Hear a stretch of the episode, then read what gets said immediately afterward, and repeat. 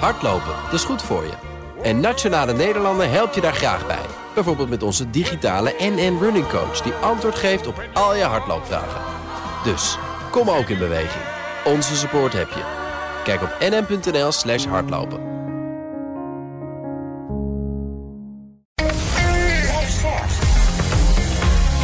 BNR Nieuwsradio. The Big Five. Paul van Liemt. Het Rusland van Poetin komt niet uit de lucht vallen, is onderdeel van een historische lijn. Terwijl Oekraïne dagelijks wordt bestookt met raketten en oorlogsgeweld, beweerde Poetin onlangs dat Rusland nog niet eens serieus is begonnen. Hoe ver gaat de Russische opmars? En hoe ziet Poetin de toekomst voor zich? Dat bespreek ik deze week met vijf kopstukken in BNS Big Five van Poetins Rusland. En vandaag is Hans van Koningsbrugge bij me. Hij is hoogleraar geschiedenis en politiek van Rusland aan de Rijksuniversiteit Groningen. En de oorlog in Oekraïne die woedt al ruim vier maanden. En we doen vandaag een poging om ons te verplaatsen in het hoofd van de aanstichter van al het leed aan de rand van Europa, Vladimir Poetin. Meneer van Koningsbrugge, en ik mag zelfs tutoyeren, Hans zeggen welkom.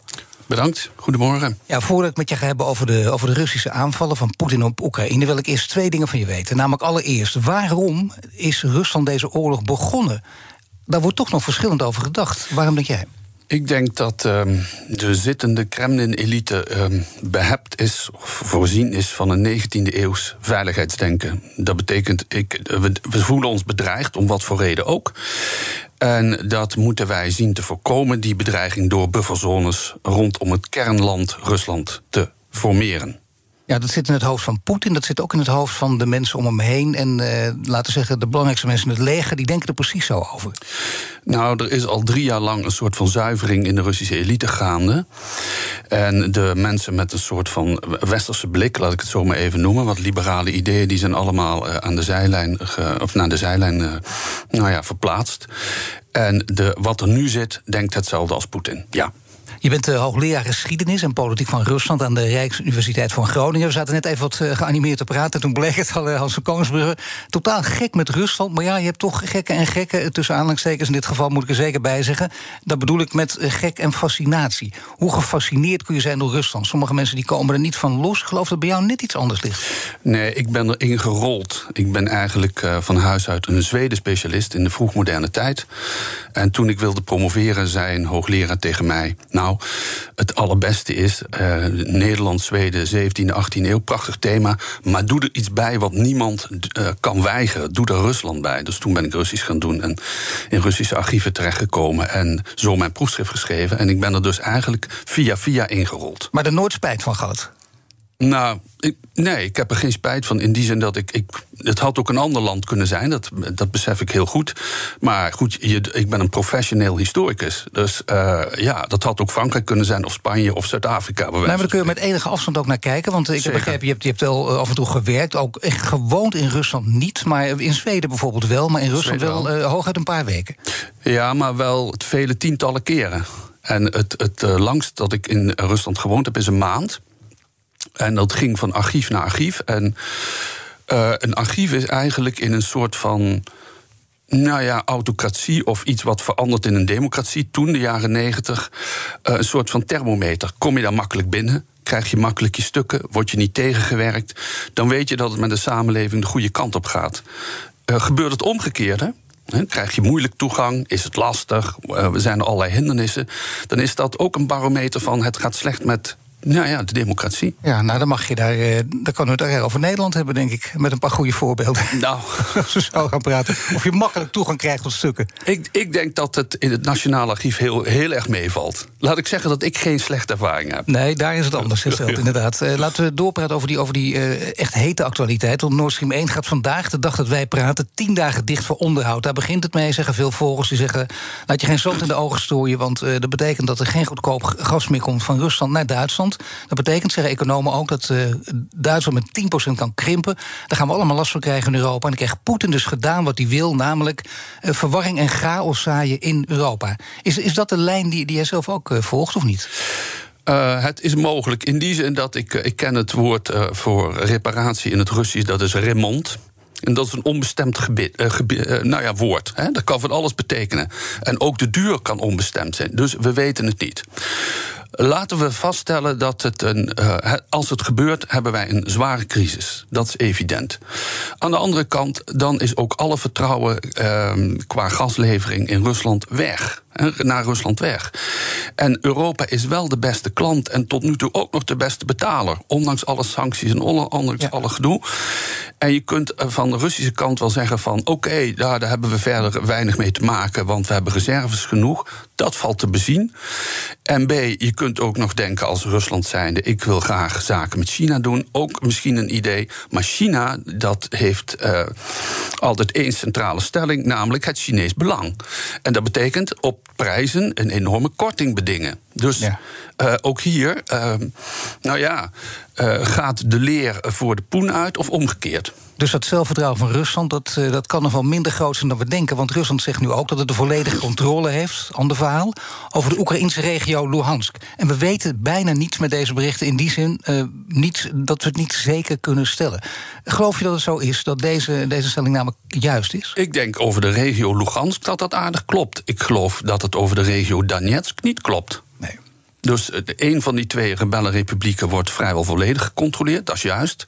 Maar Donetsk, uh, nou ja, 40, 45 procent niet. Ja, want als je Luhansk en Donetsk hebt, dan heb je dus de hele, de hele Donbass in handen. Als je dat zou hebben, dan zou het een hele grote overwinning zijn voor de Russen. Dan hebben ze zo'n deel bereikt wat ze willen, wat ze van tevoren ook zeiden dat ze willen bereiken. Nou, ja, maar ze zijn telkens van, van strategie veranderd. Het eerste verhaal was toen de Duma dus de uh, zelfstandigheid of de soevereiniteit van beide republieken uitriep, de zelfstandigheid, en we gaan dat erkennen en bla bla bla, leek het alsof die twee republieken, uh, nou ja, alsof daar de inval zou volgen. Toen volgde de aanval op Kiev. Nou, dat is in een chaos veranderd, maar het doel was eigenlijk regime change met Janukovic weer op de, eh, in het presidentiële paleis. Daar is niks van terechtgekomen. Ook de aanval op Kharkov is eigenlijk vastgelopen.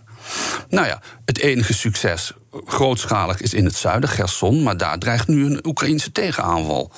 Dus uh, volgens mij is die oorlog nog lang niet gewonnen voor de Russen. Oorlog duurt lang. er wordt al acht jaar gevochten ook. in wiens voordeel is de tijd? Dat is een hele moeilijke vraag. Ehm, laat ik het zo zeggen. Op dit ogenblik schijnt, maar dat hangt van uh, een, een, een, doorlopende westerse steun aan Oekraïne af, financieel qua, uh, en qua uh, wapens, is Oekraïne het voordeel. Oekraïne heeft bijna een miljoen man gemobiliseerd, dus daar gaat een grote tegenaanval komen. Er zijn nu Amerikaanse raketsystemen, uh, systemen, HIMARS. En daar zijn er nog maar een paar van, maar die hebben al, uh, er zijn al meer dan uh, 24 Russische ammunitiedepots vernietigd. En ook een aantal controleposten. Dus Oekraïne wordt sterker, Rusland wordt zwakker. De progressie die Rusland maakt, die, die moet je meten in honderden meters vandaag de dag. Dus dat is geen blitzkrieg, dat is ook niet. Dat lijkt meer de Eerste Wereldoorlog. En nu is het ja, echt een loopgravenoorlog bijna. Dat is het. Uh, nou ja. dat, wordt, dat door de sommige historici ook echt zo aangegeven. Maar dat is ook zo. Het zijn, het zijn gewoon twee sumo-worstelaars die elkaar in, in, evenwicht houden. En het is uh, wachten totdat de een, een met een been zwaait, de ander weet te vloer. Dan doet het er ook toe wie de president is. In Oekraïne is dat Zelensky. En, en ja, er wordt heel veel van het verzet wordt aan hem toegeschreven, ook in positieve zin. Is dat terecht of niet? Ik denk dat Zelensky um, het uitstekend gedaan heeft. En namelijk op het moment dat hij um, moest kiezen, ga ik weg uit Kiev, besloot hij te blijven. Dat deed hij. En uh, hij heeft zich ontwikkeld tot. Hij is natuurlijk een hele goede propagandist voor Oekraïne. Hij weet iets over public relations. En het is een romantische held. En tegen een romantische held kun je niet vechten. Dat ga je af, internationaal afleggen. Er komt nog iets anders bij en dat vind ik bewonderenswaardig. De man houdt iedere dag een speech voor het Oekraïense volk. Iedere dag. Ja. We hebben het wel eens over Wilhelmina in Londen. Die heeft ettelijke tientallen speeches gehouden in 4,5 jaar. Hij doet dat iedere dag. Nou, dan, dan word je dus een binder voor dat volk op een enorme manier. Dat is dus super. Ja, en dat betekent ondertussen ook dat hij, dat hij een bepaalde status krijgt. Je zegt al een belangrijke cultstatus, waar hij ook uh, zijn vruchten, waar hij ook zijn, zijn voordeel mee kan doen. Dat betekent wel dat je juist als je zo'n status hebt, nog meer op fouten moet gaan letten. En er wordt naar alles gekeken, uiteraard. Onder andere ook naar de, het rijtje ambassadeurs dat hij uh, heeft laten roleren in zijn woorden. Heb je enige kijk op wat daar precies aan de hand is? Nou ja, er, er wordt in, uh, in de presidentiële administratie van Oekraïne van alles en nog wat nu na, naar boven getrokken. En sommigen zeggen van het zijn lieden met toch sympathieën. Anderen hebben, um, nou, zeggen van het gaat over corruptiezaken. We weten het niet precies. Ik weet het althans niet precies, omdat je verschillende berichten van die kant krijgt. Bijvoorbeeld de ambassadeur in Berlijn eruit gegooid. Er is iemand met een grote mond die provocerende dingen roept. Dan denkt hij, nou wacht even, het is niet voor niks dat hij die aan het verplaatsen is. En dan is dit, klinkt dit inderdaad als politiek oude stijl... om het een beetje verhullend naar buiten te brengen. Nou ja, Berlijn is natuurlijk ook... daar moet je wel iemand hebben die iets voor elkaar krijgt. En, uh, Berlijn uh, danst op een slap koord. En vindt het heel moeilijk, nog steeds vindt Duitsland het heel moeilijk om onverdroten te zeggen: Nou, we gaan helemaal achter Oekraïne staan vanwege het gas, maar ook vanwege de band met Rusland, het belaste verleden. Ja, dan moet je, in, dan moet je een topdiplomaat in Berlijn hebben. En een topdiplomaat uh, moet je zelf als president ook zijn. Uh, moet, is Zelensky dat? He, met, met, met al zijn uitingsvormen. Hij weet veel van communicatie, van PR, dat is duidelijk. Uh, daardoor krijgt hij ook die status. Ook die groene t-shirts, waar vanuit Brussel trouwens ook kritiek op was. Is het allemaal goed om daarvoor te kiezen? Um, ik denk dat als, jou, uh, als jouw steden beschoten worden. En uh, mensen leven maanden in schuilkelders. dan kan ik me voorstellen dat je niet een driedelig pak met vest verschijnt. Ja, laat ik het zo zeggen. The Big Five. The Big Five. Paul van Liemt. Mijn gast is Hans van Koningsbrug. Hij is hoogleraar geschiedenis en politiek van Rusland aan de Rijksuniversiteit Groningen. Je bent begonnen met het doseren aan de universiteit begin jaren 90. Dat is allemaal net na het eenvallen van de Sovjet-Unie. Betekent dat ook uh, qua timing het juiste moment, ook voor een hoogleraar, om dan in te stappen?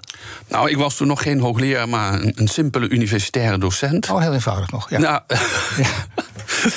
maar uh, de timing was wel prachtig, ja. Want uh, ik heb eerst in Nijmegen gewerkt en, uh, aan de universiteit. En daar besloot men vlak voor mijn contract afliep om alles wat Zweden en Rusland betreft af te schaffen. En uh, ja, dus de muur viel. En later zei men ook, ik ben gepromoveerd in Nijmegen, zei men ook, dit hadden we nooit moeten doen. Maar ja, men deed het toch. Ja, gedane zaken nemen geen keer. En in Groningen was ik hartelijk welkom, dus dat is prima. Ja, zeker. En ook niet meer uit Groningen weg te slaan.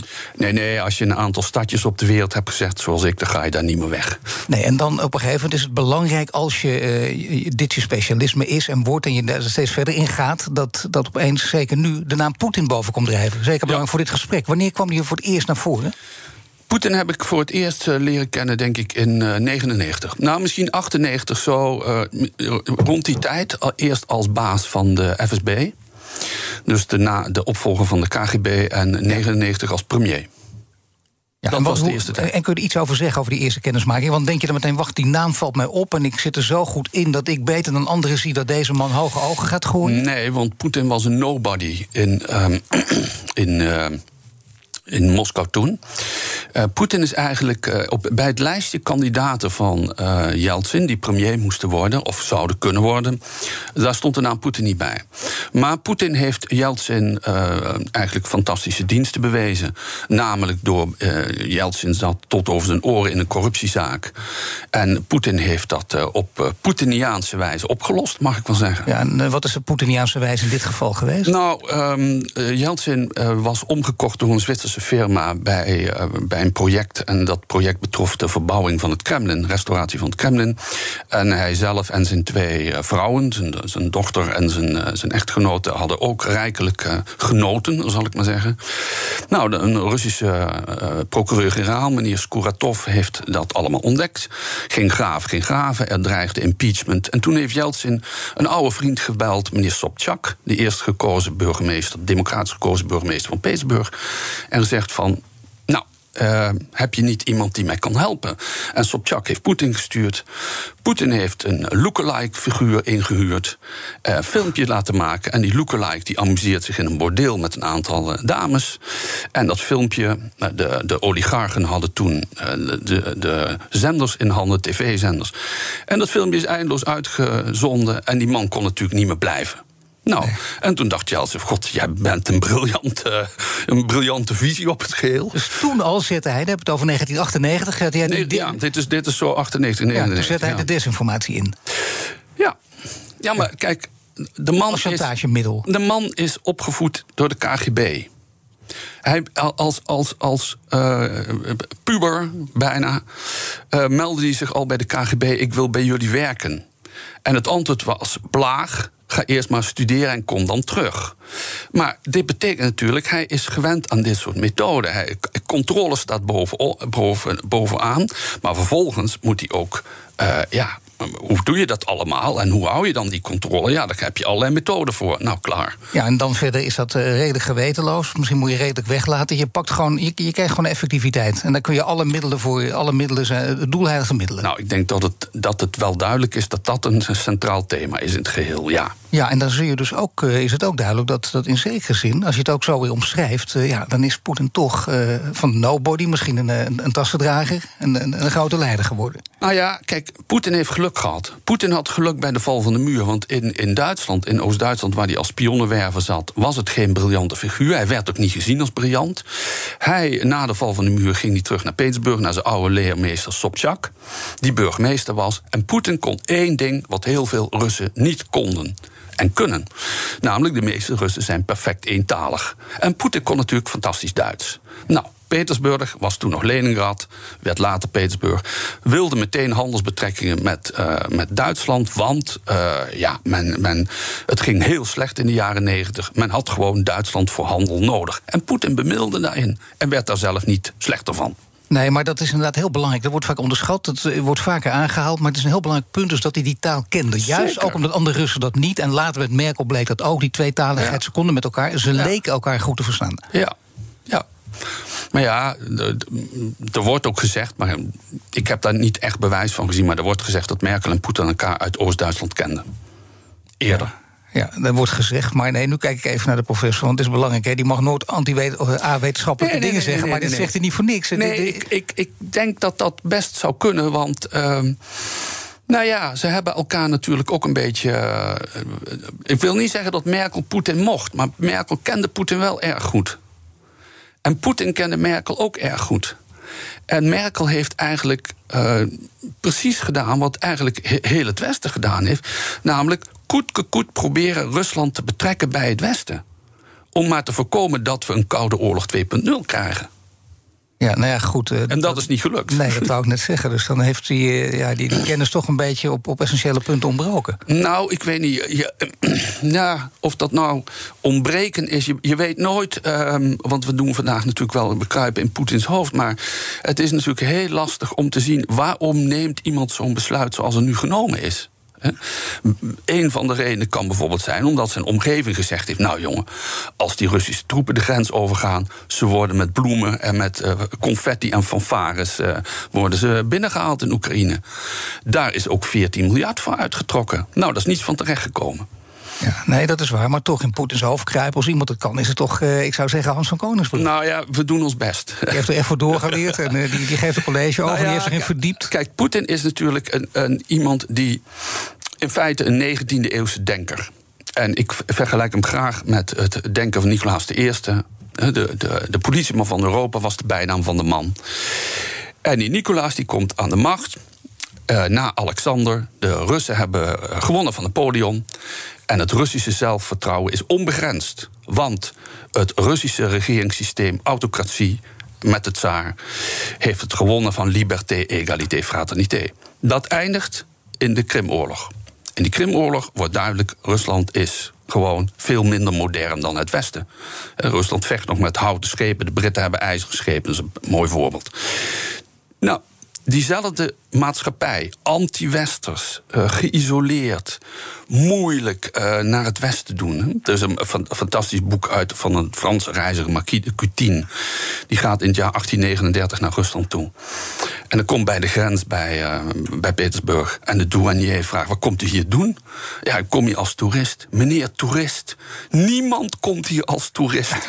Met andere woorden, het is hetzelfde anti-liberale, anti-westerse sentiment als toen. Er hangt niks voor niks een groot portret van Nicolaas I in de, in de, in de kamer van Poetin. Ja, toch, het, is heel mooi dit verhaal. Dat begrijpen we voorkomen. Dat, dat is bijna één op één. Maar toch, eh, het had natuurlijk anders kunnen lopen. In die zin, eh, zo gaat de geschiedenis eh, toch vaker dat we dat niet weten. Hij had natuurlijk aan kunnen komen. Hij had het geluk dat, dat er geld binnenkwam, olie en gas in Rusland. De bevolking was straatarm. Hij sluit een soort sociaal contract. Dus het gaat goed. Had hij in 2008 ook kunnen aftreden, Poetin. En dan hadden we misschien teruggekeken. Hadden we gedacht, nou ja, hij heeft een contract gesloten. Het is niet zoals wij het willen. Maar goed, de bevolking is tevreden. Hij heeft het goed gedaan. Als, wij in twee, als hij in 2008 was afgetreden, hadden we gezegd: hij heeft het vele malen beter dan Yeltsin gedaan. Want er was natuurlijk Ja. de mens geworden chaos. Ja. Eh, dus daar hadden we niks te klagen gehad. En inderdaad, sinds 2014 hebben we geen sociaal contract meer, maar een contract van nationalisme. Daar komt eigenlijk om neer. Rallying around the flag en anti-westers, et cetera. Dat is waar. En ondertussen is inderdaad eh, de economie. eh, eh, ja, die, die, ja, het besteedbaar inkomen voor een Rus. dat neemt alleen maar af, het reële besteedbaar inkomen. Dus dat is niet goed. Aan de andere kant. Belangrijk is het, het toch ook wel te, te zien dat. ehm, ja, en dat is misschien de, de grootste vraag. Waarom, als je alle troeven in handen hebt. Hè, hij was Oekraïne ook economisch aan het afknijpen voor die inval. Zelensky werd steeds minder populair. Ja. Oekraïne kreeg het steeds moeilijker economisch. Hij had gewoon kunnen wachten. Dat vind ik een hele centrale vraag. Waarom heb je niet het geduld om te wachten? Dat is een hele, hele centrale vraag. Een heel moeilijk te beantwoorden vraag. Die we even in het hoofd houden. Want we hebben, daar gaan we straks even nog eh, flink over door. Er is nog een andere vraag. En eh, die komt van eh, mijn gasten. Want die stellen elkaar vragen via de kettingvraag. En in de vorige aflevering was hier Stefan van der Stichel. In de Big Five van de nieuwe werkomgeving. Was met Diana Matroos. En van der Stichel is hoogleraar cognitieve psychologie. En die had deze vraag voor je. Ja, beste Hans, ehm, wat ik interessant vind is alle prikkels die op ons afkomen, die beïnvloeden hoe we naar de wereld kijken. En waar ik heel erg benieuwd naar ben, is alle prikkels die wij nu eh, binnenkrijgen, beïnvloeden die ons beeld op Rusland op een verkeerde manier. Hebben we nog wel een goed beeld van de Rus? Ja, dat is een hele moeilijke vraag. Maar laat ik erbij zeggen, de Rus bestaat niet. Dus ehm, er zijn honderdduizenden Russen nu gevlucht uit Rusland. Ik geloof 450.000 met westerse sympathieën. Die geloofd hebben in het idee van Rusland wordt een westers land... of gaat erbij horen, et cetera. Dat is allemaal mislukt.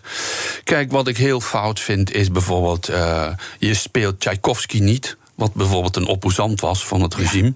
Of Shostakovich, hetzelfde, Ja. die onder Stalin geleden heeft. Je speelt het niet omdat dat Russische muziek is. Ja, dan denk ik van, zo lust ik er nog wel 24. Dat vind ik echt helemaal niks. Nee, die 24 hebben we geen tijd voor, maar ik begrijp welke kant je op wil. Morgen is eh, voormalig Rusland-correspondent Kisha Heksen te gast. Abonneer je op onze podcast via je favoriete podcastkanaal... om geen aflevering te missen.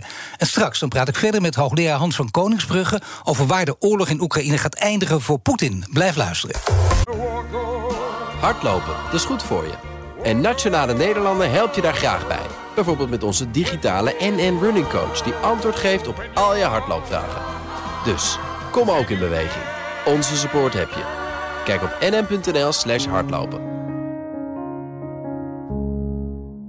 Business Booster. Hey ondernemer, KPN heeft nu Business Boosters. Deals die jouw bedrijf echt vooruit helpen. Zoals nu, zakelijk tv en internet, inclusief narrowcasting... de eerste 9 maanden voor maar 30 euro per maand. Beleef het EK samen met je klanten in de hoogste kwaliteit. Kijk op kpn.com slash businessbooster. Business Booster. BNR Nieuwsradio. The Big Five.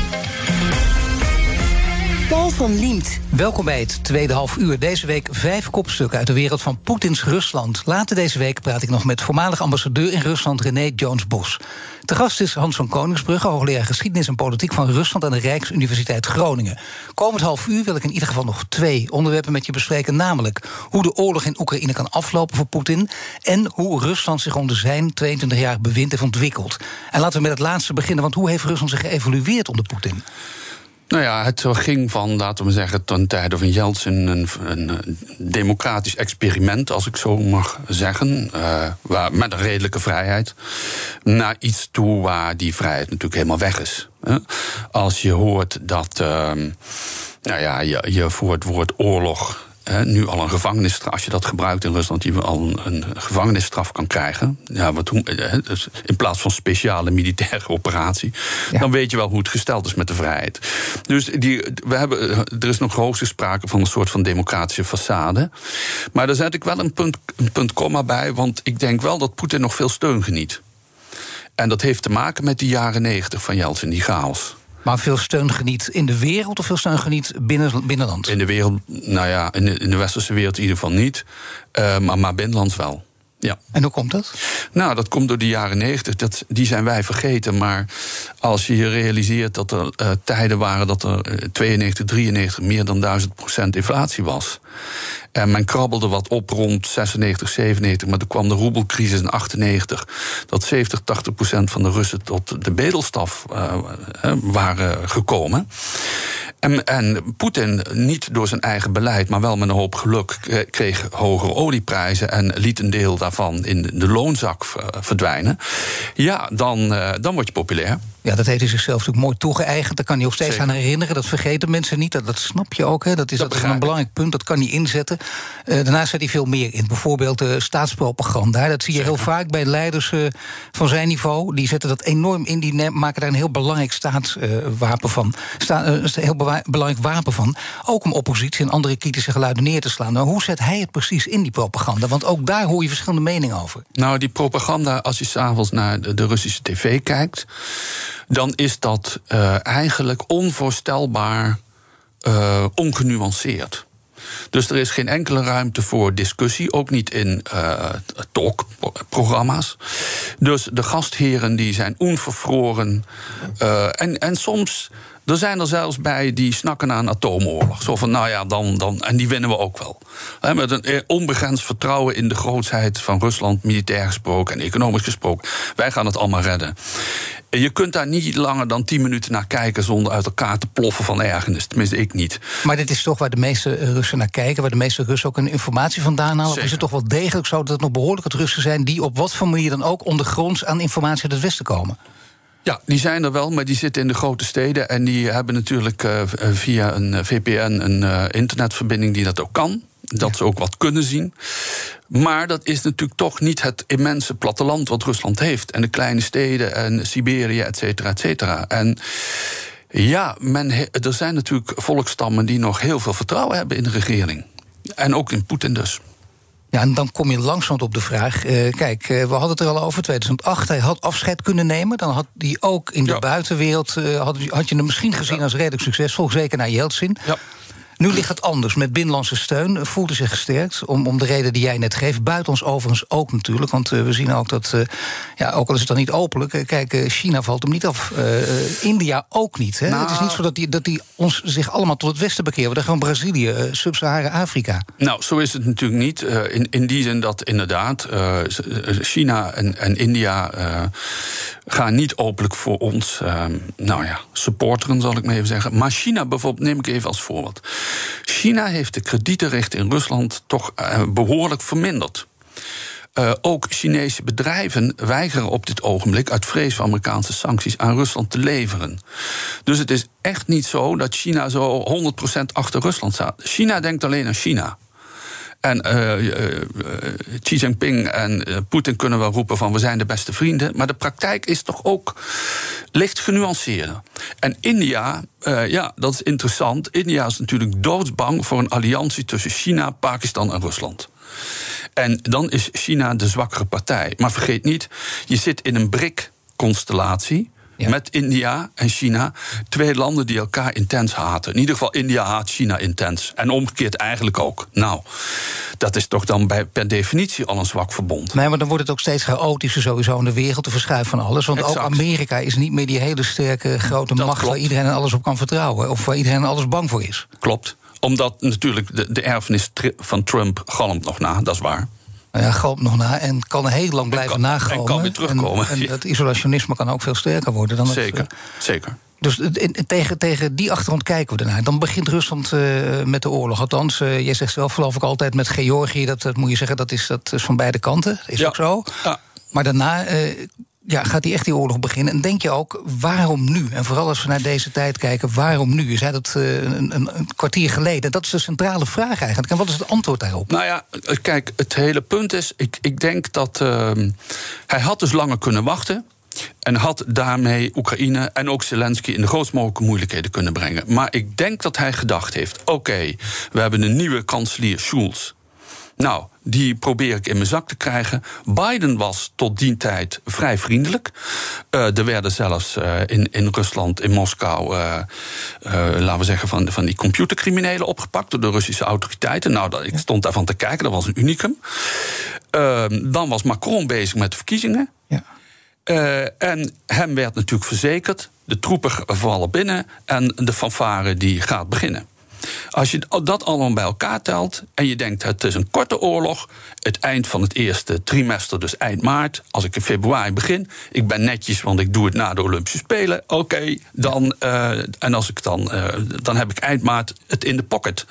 En daar zit natuurlijk de hele misvatting, en dat is het, het, eh, de vijfde afdeling van de Veiligheidsdienst die volkomen gefaald heeft en die natuurlijk had moeten zeggen, jullie gaan hier op een pak slagen, kun je ook rekenen als je niet oppast et cetera. Maar volkomen fout.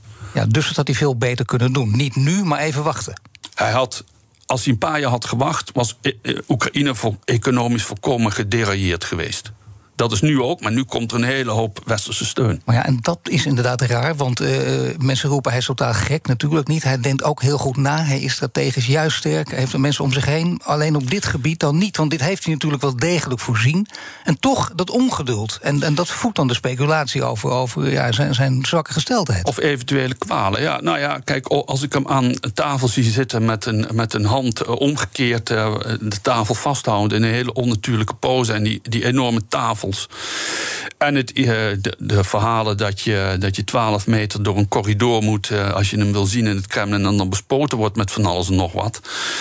Dat lijkt er niet op dat de man een blakende gezondheid heeft. Waar die overigens altijd wel mee pronkte, maar het gepronk is ook klaar. Ja, dat is ook opvallend. Ja, want dat anders is, je dat zien. Kijk eens hoe ik op de paard en uh, hoe goed ik in judo. Dat doet hij allemaal niet meer. Dat kan hij niet. Dat betekent Precies. dus toch, denk je, dat hij het blijft speculeren. Maar die kans is groot. Afgaand op dit soort uiterlijke kenmerken. Ook hoe die tafels vasthoudt. Dat er in ieder geval een kwaal is waarbij je geen COVID kan gebruiken. En vandaar dus dat hij gewoon te snel toe heeft geslagen. Want hij, we willen natuurlijk een plek in de geschiedenis hebben.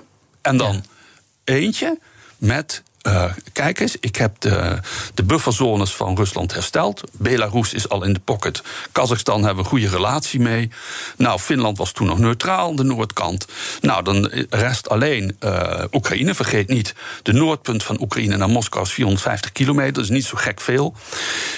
Nou, als je, dat, eh, als je die legpuzzel, dat laatste stuk daarin legt, dan is de, uh, de, laten we maar zeggen, de kring van bufferzones is compleet. Maar dan zeg je dus dat een gezonde Poetin, een in blakende welstand uh, verkerende Poetin, had dit niet gedaan. Die had juist twee jaar gewacht en had daarna wel toe kunnen nou, slaan dat, met een blitzkrieg. Dat weet ik niet, maar ik. Nou, nee, natuurlijk niet. Maar bedoel, als je ze ja. tegenover elkaar zet, de twee scenario's. Ja, nou ja, het, het heeft, het, het, de timing is zeer opvallend.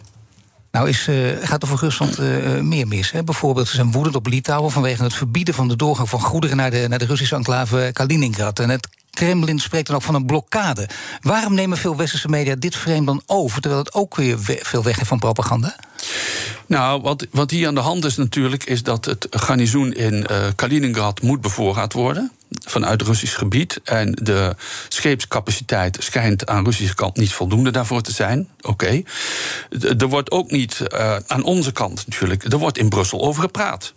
Het is helemaal niet zo dat dit kansloos is. Dus daar wordt in, Russel, in Brussel wel degelijk afgewogen van wat kan wel, wat kan niet. Er kan trouwens nog heel veel. Nou, noem eens een paar dingen. Wat zou er allemaal kunnen? Nou ja, bijvoorbeeld bepaalde voedsel kan gewoon ge geëxporteerd worden. Dat is, ja. dat is geen probleem. Maar er was natuurlijk al een, een, zekere beperking. Dat bijvoorbeeld, als de wapens getransporteerd werden. dan moest dat voor de invasie al in aparte uh, treinladingen, uh, wagons. en militairen onbewapend in een andere trein. Of een ander treinstel. Dus er waren al beperkingen, alleen komen er nu een aantal bij.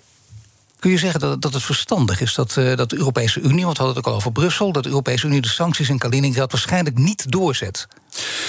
Dat is een hele moeilijke vraag. Ik, ik kijk het hele probleem. Veel moeilijke vragen, hè? maar dat, dat, ja, je, dat, ja, dat, is een moeilijke, maar. maar ehm, ja, de vraag is maar hoe ver wil je het, hoe hoog wil je het opspelen? Escalatie of de-escalatie, dat is toch steeds de grote vraag. Exact. Je ziet het daar ook verschuiven, Exact. ook onder columnisten en volgers. Exact.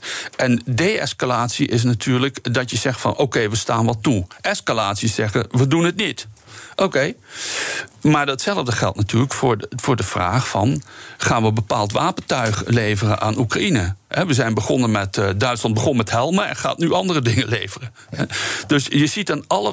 Het is niet een vaststaand iets. Het kan per nou ja, moment gaan verschuiven. En op het moment dat jij dus zelf aan de andere kant denkt als tegenstander van Poetin, we gaan de-escaleren, want dat is ook goed voor hem. En dan, dan komt, komt het misschien uiteindelijk toch tot vrede. Dan kun je denken, nou, het maakt het niet uit. En Poetin die vindt altijd wel iets om te escaleren. Nou, dat is wel zo. Maar goed, kijk, vrede, eh, er komt iets anders bij natuurlijk. Je, ehm, de oorlog gaat door zolang Oekraïne dat wil. Oekraïne is de partij die zal moeten zeggen... we accepteren zoals het is. Ja, dat is toch een heel interessant. Daar moeten we zo meteen uitgebreid Oké. op doorgaan. Business Booster. Hey ondernemer, KPN heeft nu Business Boosters. Deals die jouw bedrijf echt vooruit helpen. Zoals nu, zakelijk tv en internet, inclusief narrowcasting... de eerste 9 maanden voor maar 30 euro per maand. Beleef het EK samen met je klanten in de hoogste kwaliteit. Kijk op kpn.com slash businessbooster. Business Booster. Hardlopen, dat is goed voor je. En Nationale Nederlanden helpt je daar graag bij. Bijvoorbeeld met onze digitale NN Running Coach... die antwoord geeft op al je hardloopvragen. Dus, kom ook in beweging. Onze support heb je. Kijk op nn.nl slash hardlopen. BNR Nieuwsradio. The Big Five. Paul van Liemt. Je luistert naar BNS Big Five van Poetins Rusland. Later deze week praat ik nog met Kremlin-kenner Hubert Smeets... bekend van onder meer het platform Raam op Rusland. Mijn gast is Hans van Koningsbrugge. Hij is hoogleraar geschiedenis en politiek van Rusland... aan de Rijksuniversiteit Groningen. Ja, dus het gaat over de oplossing in Oekraïne. Op korte termijn zit hij er gewoon niet in. Maar het hangt van Oekraïne af. En dan is het interessant om te kijken... en eh, naar een uitspraak van Henry Kissinger... geopolitieke goeroe. eh, nou ja, goed, onder andere oud-minister in Amerika. Hij leeft nog steeds, hij is 99. Heeft gezegd, ja, het ligt, hij zegt het ook, hè, wat jij ook zegt... als, eh, als Oekraïne bereid is om, eh, om delen van het land terug te geven... dan kan er vrede, dus letterlijk land voor vrede... Nou, daar komt natuurlijk heel veel commentaar op, maar dat geeft wel een beetje de stand van zaken aan. Maar zover ga ik niet hoor.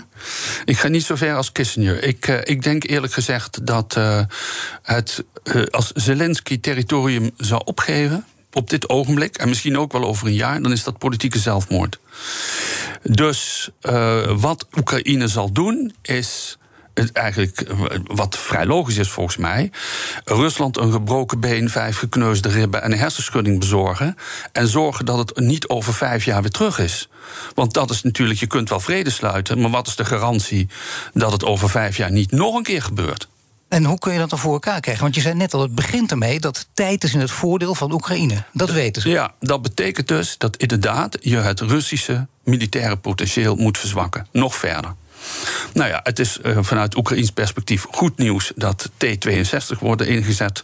Ja. Uh, tanks die in de jaren 60 uh, nou ja, operationeel waren. En ik hoorde vanmorgen dat zelfs materiaal van de, wat in de Tweede Wereldoorlog gebruikt is, weer uit, uit de mottenballen wordt gehaald. Ja. de Russische productie is natuurlijk niet top, want die hebben eigenlijk ook straks westerse chips enzovoorts nodig. Dus dat wordt ingewikkeld. Maar hoe dan ook, dat Russische potentieel moet zo verzwakt worden dat het over vijf jaar niet het drama zich weer herhaalt. Nee, maar ja, dan nog. Stel dat je dat voor elkaar krijgt, dat verzwakken. Dan leef je in die nieuwe wereld. Ja. Laten we even van dit scenario uitgaan, over ja. vijf jaar. En dan? Ja, en dan wordt het ingewikkeld. Want uh, kijk, uh, de vraag is dan: zit dezelfde Kremlin-elite er of niet? Dat weten wij niet over vijf jaar. He, vijf jaar is in de internationale politiek een eeuwigheid. Jij denkt van niet. Althans, jij denkt zonder Poetin, als ik je net goed beluister. Uh, ik denk zonder Poetin. Ik denk dat ook als dit duidelijk wordt dat dit toch geen top is, dat dit niet anders dan gevolgen kan hebben. Ja, dus dat, nee, voor, zijn, voor zijn positie. Natuurlijk. Ja. Nee. Het, het, het, doet me heel erg denken aan uh, een kleine historische anekdote over de, de zus van Peter de Grote. Die was regentes en die had een minnaar. En die ondernam twee mislukte veldtochten naar de Krim. En hij riep in Moskou dat het een, uh, dat het een groot succes was geweest. Ja. Dat bleek niet.